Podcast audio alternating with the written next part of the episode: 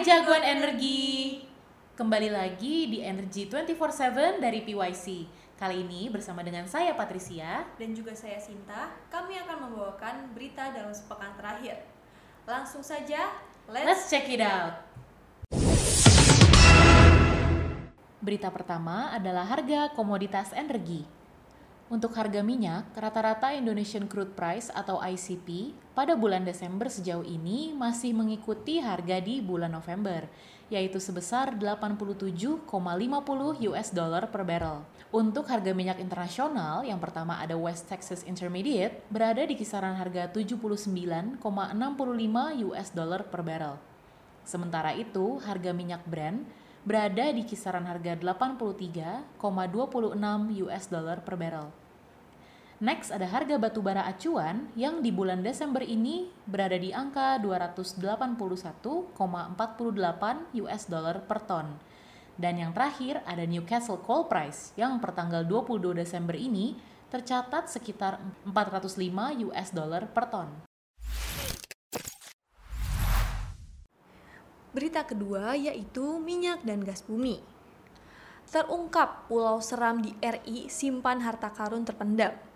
Berita dikutip dari CNBC Indonesia 20 Desember 2022. Berdasarkan data yang dirilis oleh Kementerian ISDM, cadangan gas bumi terbukti paling banyak berada di wilayah Maluku, yakni 13.988 miliar kaki kubik persegi. Maluku terdiri dari banyak karang dan koral yang jika mati dan terakumulasi maka bisa menjadi reservoir migas yang baik.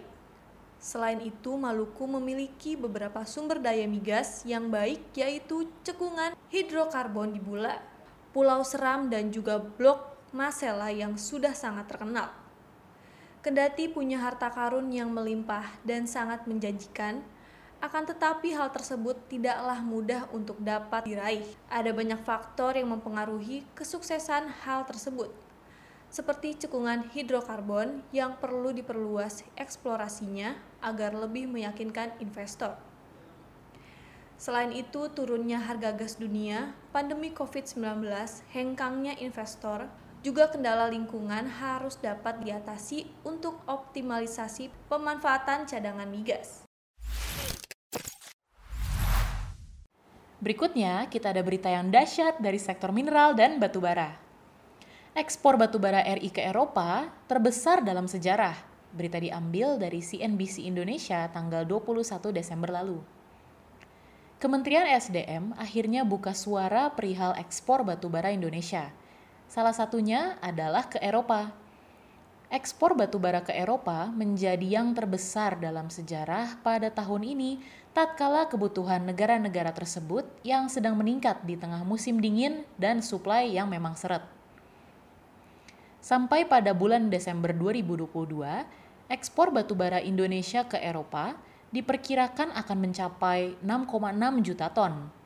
Jumlah ini bahkan melebihi rekor ekspor tertinggi di tahun 2012, di mana ekspor batubara ke Eropa, terutama Spanyol, mencapai sekitar 6,2 juta ton. Hal tersebut diungkapkan oleh Direktur Pembinaan Pengusahaan Batubara Direktorat Jenderal Mineral dan Batubara Kementerian SDM Lana Saria. Lana menyebutkan, proyeksi ekspor batubara RI ke Eropa sampai dengan akhir tahun 2022 ini dapat mencapai angka 6,6 juta ton jika proyeksi Desember sama dengan realisasi di bulan November 2022, yaitu 0,7 juta ton. Berita selanjutnya masih Minerba nih jagoan energi.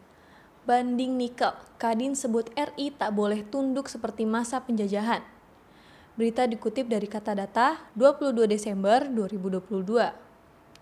Pemerintah berencana menempuh langkah banding atas putusan World Trade Organization atau WTO yang meminta Indonesia mencabut kebijakan larangan ekspor nikel. Para perusahaan mendukung langkah pemerintah untuk mengajukan banding.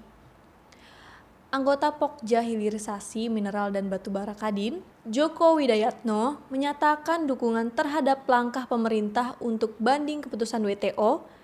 Direktur Eksekutif Indonesia Mining Association menyebutkan Indonesia tak boleh tunduk seperti masa penjajahan.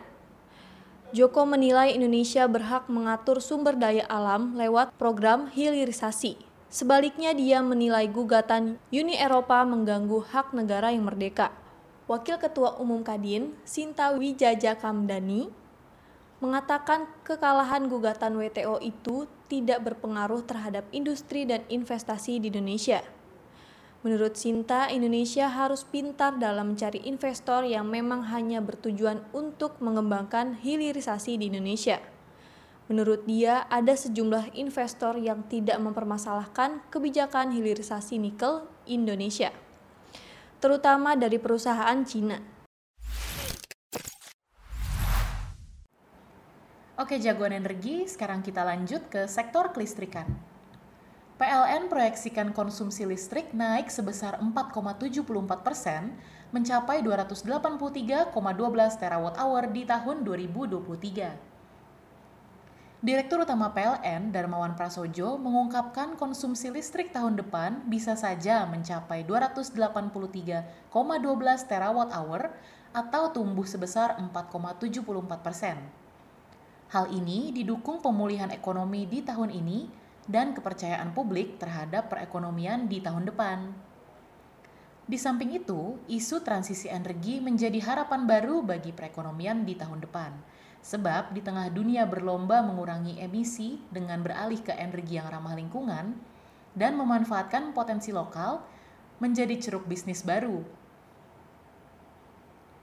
Tantangan pengembangan energi baru terbarukan atau EBT di Indonesia adalah investasi yang besar – Nah, untuk itu, PLN mengakselerasi pembangunan ekosistem transisi energi yang kondusif dan mengedepankan aspek inovasi serta efisiensi guna mencapai competitiveness.